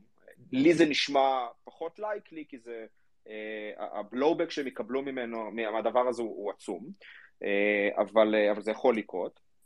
הפחד הכי גדול בסופו של יום לדעתי זה שיהיה לך איזשהו single point of failure שייכשל, בין אם זה slashing, בין אם זה מיליון ואחד דברים אחרים, וזה יכול מאוד להשפיע על איתריום, זה יכול להשפיע על finality במינימום, זה יכול להשפיע על, על גם יותר מזה אה, בהמשך, אה, ולכן אני חושב שזה הדבר הראשון במעלה. אה, מעבר לזה יש גם את העניין של באמת שאף אנטיטי אחד באיתריום לא יגיע אה, לשליש או, או ל-10% אפילו, תלוי, יש כל מיני מגוון של תקיפות כנגד איתריום, אבל אה, בוא נגיד שלא לא ישתלט על כמות אה, מאוד מאוד גדולה של, אה, של איט. אמ, ועוד כל מיני דברים אחרים, אתה יודע, למשל איך אתה מנהל את המפתחות, מי מחזיק את הבקאפ, זאת אומרת, זה, זה יותר ופחות מסובך מ-proof of תלוי באיזה גורם, אבל, אה, אבל אני חושב שזה עיקר הסיכון היום, ואותו אנחנו צריכים לפתור. שאר הדברים, בקשר לליידו, אה, להגיד את האמת, אני חושב שהם דברים שהם אחד הרבה יותר פומביים, זאת אומרת, אם ליידו מחר החליטו על איזושהי מדיניות אה, MEV שהיא מאוד מאוד harmful לאתריום, זה צריך להיות איזשהו תהליך מאוד פומבי, כי, כי, כי צריך לתקשר אותו, ויש הרבה אופרטורים מעורבים וכולי, זה לא משהו שהוא uh, מאחורי הקלעים קורה ועכשיו צריך להתנהל עם הנסיבות שלו. Uh, לעומת uh, operator שהוא compromised. Uh, אז כל הנושא של ה governance שם הוא קצת מעורבל uh, וקצת לדעתי לא קשור כל כך, uh, אבל שאר הדברים הם כן, הם כן מאוד מאוד רלוונטיים. שוב, זה לא רק הבעיה הזאת, זאת אומרת, יש לך הרבה בעיות של centralization, למשל client diversity, היה עניין מאוד מאוד גדול בזמן האחרון, אה, ובצדק, זאת אומרת, אה, היה אה, דומיננטיות מאוד גדולה ל-Prysm בתור ה-node שכמעט כולם השתמשו בו, ואז נשאלה השאלה מה קורה אם ב-Prysm מתגלה בעיה, ו-Prysm הוא 60% מסך הנודים שרצים ברשת. אז, אז זה שיש כמה implementations אחרים של nodes, לא כל כך עוזר בהקשר הזה. זה לא דבר אחד, decentralization זה לא רק דבר אחד, זה כמה דברים, אמ, ספציפית, אני חושב שבמקרה של Lido זה עניין של פשוט לפזר את הסיכונים. אמ, וגם לבוא ולהגיד לעולם, חבר'ה, 30 ומשהו אחוז בספק אחד זה לא סביר. לדעתי מה כן. שאנחנו נראה זה שכרגע אה, אה, אי אפשר להזיז Ether ממקום למקום כי אין withdrawals, אבל אני חושב ש-once יהיה withdrawals אתה תראה תנועה אה, די משמעותית, כמו שאגב ראינו ב-mining בין ספקים. מעניין, אז, אז זה מאוד... אולי, כן, שי, רצית להוסיף? כן, אולי אני יכול רק להוסיף שאלון נראה לי מאוד, גם יצא לי להיפגש איתו בהקשר אחר, אבל הוא מאוד uh, מתמחה בעניין הזה של ה-staking, אבל אני יכול להגיד שמבחינת ביזוריות, uh, אני חושב שהאפשרות uh, של אתירום 2 להיות uh, רשת הרבה יותר מבוזרת היא הרבה יותר גדולה, אה, משום שאפשר להריץ בעצם ולידייטור בבית. אה, כל אחד יכול להרים ולידייטור אה, בעזרת התקנה של כמה פקודות. אם מישהו מכם ניסה אי פעם לכרות ביטקוין בבית, אז אני בטוח שהוא לא הצליח. תלוי באיזה שנה, אתה יודע. כן, כן. אז כן, אז גם היה לי איזה ניסיון עם זיקש, אה, כרטיסי GPU, הכל מחובר, ופה ושם, כל יומיים שלושה, זה כמו איזה תינוק של להחזיק אותו בבית. לעומת זאת, אני מריץ ולידטור אה, בבית, וזה עובד, אה, הקופסה הקטנה שלוקחת 30 ואט כן. לשעה, עובדת כבר שנה וחצי בלי שהיא פספסה בלוק, או שפספסה כמה attestations, אבל זה ממש... כאילו, אני לא חושב שאיזשהו שרת אה, שספק לי שירות מבחוץ יכול לתת לי את השירות הזה, אז אני רק ממליץ לכולם, גם הכלים של להתקין validator אה, אה, קטן, הולכים ומשתפרים, ומה שלקח לפני אה, חצי שנה, אולי אה, שלושה ימים לעשות setup, אני בטוח שהיום אה, כמעט כל אחד יכול לעשות את זה מהבוקר עד הלילה. אנחנו נזמין אותך לסדנה. אנחנו נעשה פה סדנה של, אה, של להקים ולידטור בבית. אני חושב שזה משהו. עידן, אני לא יודע, בזמן שישנת חלקנו כבר הקימו. אהה. אני רוצה, אני אין לי ולידטור וזה אחד היעדים שלי לשנה הבאה. האמת שלגמרי, ואני חושב שצריך לעשות באמת education, כי לא, לא תמיד ברור למה בכלל אני צריך, כי יש את האלטרואיזם הזה, או את ההסתכלות הארוכת טווח, אבל זה משהו שהוא באמת אה, נראה לי עם ההתפתחות וכמה שהדבר הזה יחדור לחיים שלנו זה יהפוך להיות לאיזשהו פרקטיקה או משהו ש, שאתה עושה כמו שאתה שומר, אה, לא יודע, password manager או, או כל מיני דברים, אבל זה, אנחנו, עדיין, אנחנו כנראה עדיין לא שם. ואני אני, אני, כן, אני, אני, כן, אני כן אולי אסייג ואומר שא', אני, אני חושב שזה סופר חשוב שאנשים יריצו גם nodes וגם validator-ים אה, בבית אם הם יכולים. אחד הדברים שמאפשרים את זה באמת זה שה-economies of scale ב-staking על Ethereum נמוכים משמעותית מ-economies of scale ב-proof of work, ככה שאתה בתור validator בודד כן תקבל כמעט את החלק היחסי שלך, זה בכוכבית חוץ מ-MEV, ששם כן יש יתרונות להיות גדול, וכמובן אתה צריך 32 Ether בשביל להריץ את זה, זה לא בא בחינם. אז אולי אני רק אגיד שגם uh, מזה, כאילו, יש, אתה יכול להריץ validator של Rocket uh, Pool, שכרגע צריך בערך 17 Ether, uh, והוא גם מאפשר לאנשים שאין להם, שאין להם stake של 32 או 17, להצטרף אליך. אז גם אפשרות למי שרוצה להריץ בבית, בנוסף לזה, validator של Rocket Pool, גם מקבלים commission מ-Rocket Pool על כל הזמן שהם online uh, במטבעות של Rocket Pool, אז uh, גם שתדעו שזאת אפשרות, והיא הרבה יותר מבוזרת ממה שקורה ב-Lido. כמובן שיש לה גם את הסיכונים שלה, אבל הדברים, נראה שהרבה אנשים והרבה גופים עושים המון כדי שה... הרשת הזאת תהיה הרבה יותר מבוזרת ממה שעד היום הכרנו ב-Proof of Work, וזו תקופה מאוד מרגשת. זלוף ואלון, אם אני יכול, אם אני יכול שאלה קטנה לזלוף ואלון, ואולי יואב, אני רואה שהוא פה גם, אבל אני חושב שהוא נוהג. בעצם, איך זה ישתנה עכשיו אחרי ה-merge? כי בעצם כרגע ה-beacon הוא לא עושה כלום, נכון? אבל ברגע שיהיה לנו את ה... בעצם שיהיה לנו את ה-merge, אז כמה זה ישפיע על הקושי להרצת, להרצת validator? זה יהיה יותר כבד, כי אתה תצטרך להריץ בעצם... אתה בעצם תהיה full node. האמת שלא, כי גם היום בשביל להריץ את ה-Ethereum 2 node שלך אתה צריך Ethereum 1. זה נכון, אבל... אבל, אבל השאלה היא, שוב, אם אני, ברגע שזה נהיה משמעותי, כרגע זה פחות משמעותי, ברגע שזה נהיה משמעותי, אז, אז זה משמעותי גם שאני אריץ את ה-full node ושאני לא אקח את ה... אתה יודע, את, את, את ה-hash root ממישהו אחר, אז בעצם עכשיו, כדי להיות באמת validator משמעותי, אז אני גם צריך להיות full node של, של, של, של האפ. א', אני ממליץ שאם אתה כבר מריץ validator משל עצמך, תריץ גם Ethereum אחד node, כי... אני מריץ, אבל אנחנו מדברים פה, כן. זאת אומרת, אם הרצון שלך היה לבזר את Ethereum, אז זה שהתחברת ל-Infura לא עוזר בלהריץ node משל עצמך. אני יודע שזה יקר, זה לא, אתה יודע, יש לזה עלות, זאת אומרת, להריץ node Ethereum אחד, יש לזה עלות, ואנחנו טיפה או רצים קדימה, אז כל הסיפור של data sharding, או לא data sharding, זה כבר danksharding, קונפיגורציה טיפה שונה, אבל לא משנה. כן יכביד גם על ה-storage וגם על ה-networking. אולי שי ידע להגיד יותר טוב מה ה-minimum requirements ל-setup מהסוג הזה, אבל זה אפשרי, זה לא הכי זול בעולם, זאת אומרת, זה לא 5 דולר בחודש. זה כבר לא Raspberry Pi. קודם כל, אנשים מריצים ברסברי פאי, גם גט וגם הכל, אבל אני אישית לא חושב שיש סיבה, ואני חושב ש... אני אישית קניתי נוק קטן, זה כאילו, נראה לי שאפשר להשיג את הנוק האלה של ה-i5 ב-790 שקל או משהו כזה. אז אין שום סיבה, אני חושב שזו עלות מאוד מאוד שולית להפעלת המערכת הזאת.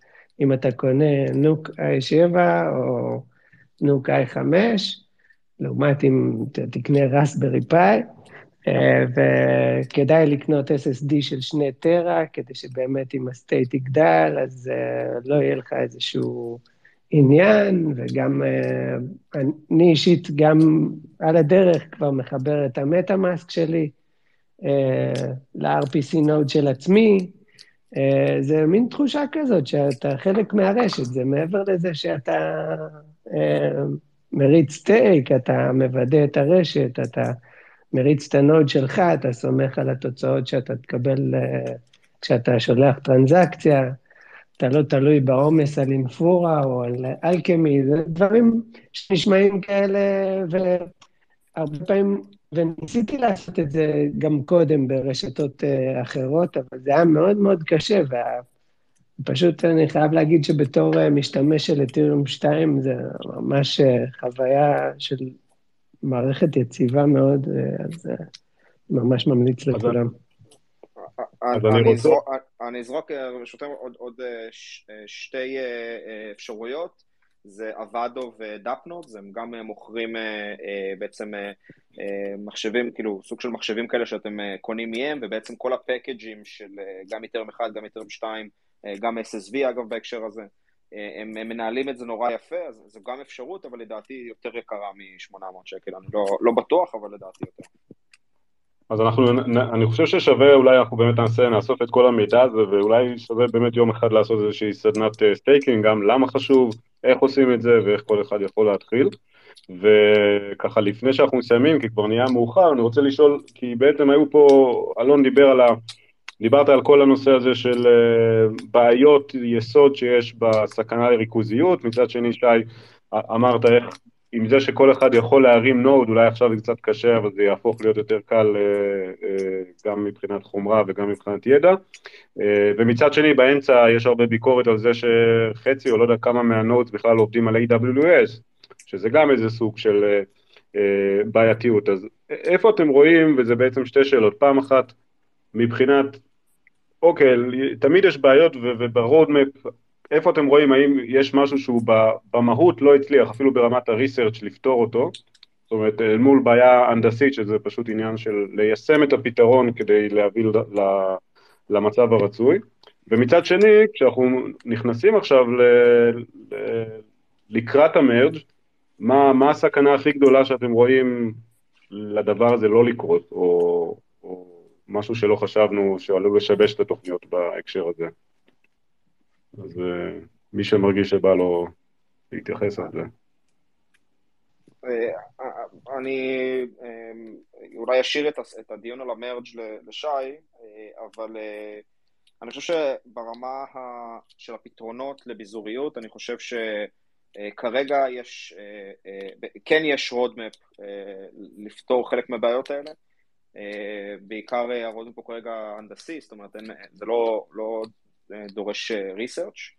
אנחנו בתקווה נהיה ב mainnet אחרי ה merge, ו, וזה לדעתי כן יכול לפתור הרבה מהבעיות, לא את כולם, אבל חלק משמעותי. ו, ושאר הדברים, אני חושב שכן, יש פה הרבה עניין של education עדיין, אני חושב ש... כמו שציינת מקודם, ביזוריות זה לא רק איפה נמצא הסטייק, אלא גם על מה, על מה הוא רץ, אז אה, אם כולם על AWS זה לא ממש עוזר לנו, אם כולם ב-AWS אה, West אה, US אחד שנופל פעם בחודשיים זה גם לא משהו, אז אני חושב שיש גם הרבה עניין של education פה, ובעיקר בעיקר שזה הפוקוס שלנו זה לוודא שאנחנו יודעים לשכנע את כל ה-staking providers כבר היום לעשות סוויץ' לדברים כמו SSV, כי המקובעות שלהם והרדיפה שלהם אחרי revenue, שזה זה בפני עצמו לא רע, אבל המקובעות הזאת יכולה לעלות הרבה מאוד כסף בהמשך, אז אנחנו כן מצליחים, אה, אבל אה, זה כן תהליך שהוא לא קטן. אה, כ reference אני יכול לתת את L2, L2 כבר קיים כמעט שנה ב production, וזה לא אומר שכולם משתמשים בו, כן? היום אם תעשו withdrawal מ-Coinbase, אתם תעשו withdrawal על L1. אז דברים לוקחים זמן, וזה כנראה הסיכון הגדול פה. מעולה. אה, שי, רצית להגיד ככה לפני שאנחנו מסיימים? כן, אז אולי רק אה, הזכרת את העניין של AWS, אז אולי אני רק אזכיר שבאמת אה, נעשה פה מאמץ ארכיטקטוני גדול בשביל לבזר את הרשת, ואני יכול להגיד שמי שמריץ את ה validator שלו על AWS, בעצם מסתכן לקבל penalties יותר גדולים כשהוא offline.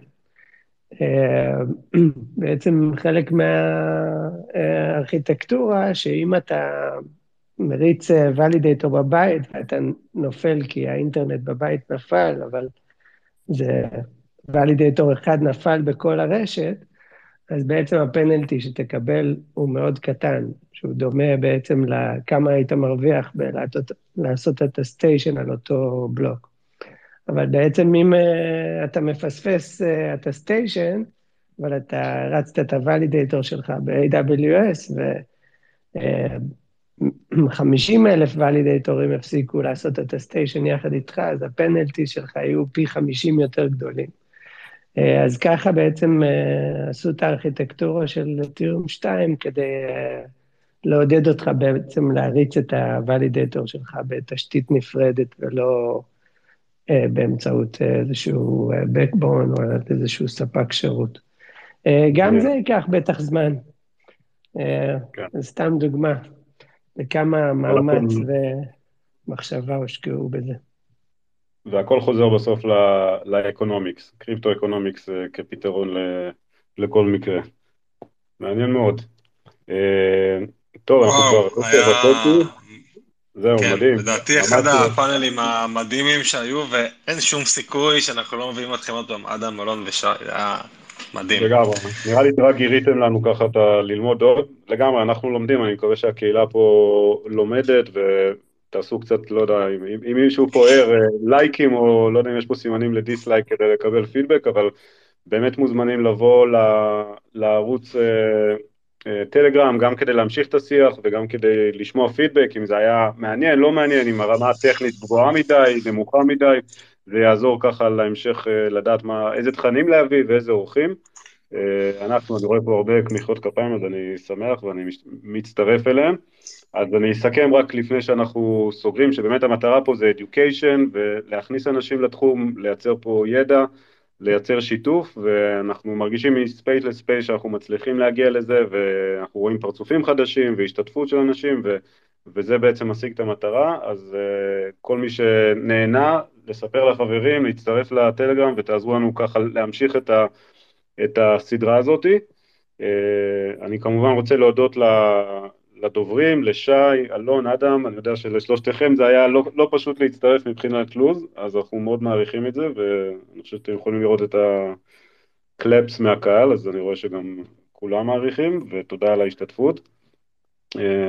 עידן, אילון, כמובן העמיתים שלי, תודה על, על ההשתתפות בפאנל, וזהו, אז שבוע הבא, אותו מקום, אותה שעה, אנחנו נעלה את ההקלטה של הפרק הזה למי שירצה לשמוע או לשתף עם חברים, ועד אז נראה מה, מה מצפה לנו בשבוע הקרוב. שבוע חדש, אז תודה רבה. תודה רבה, תודה רבה חבר'ה.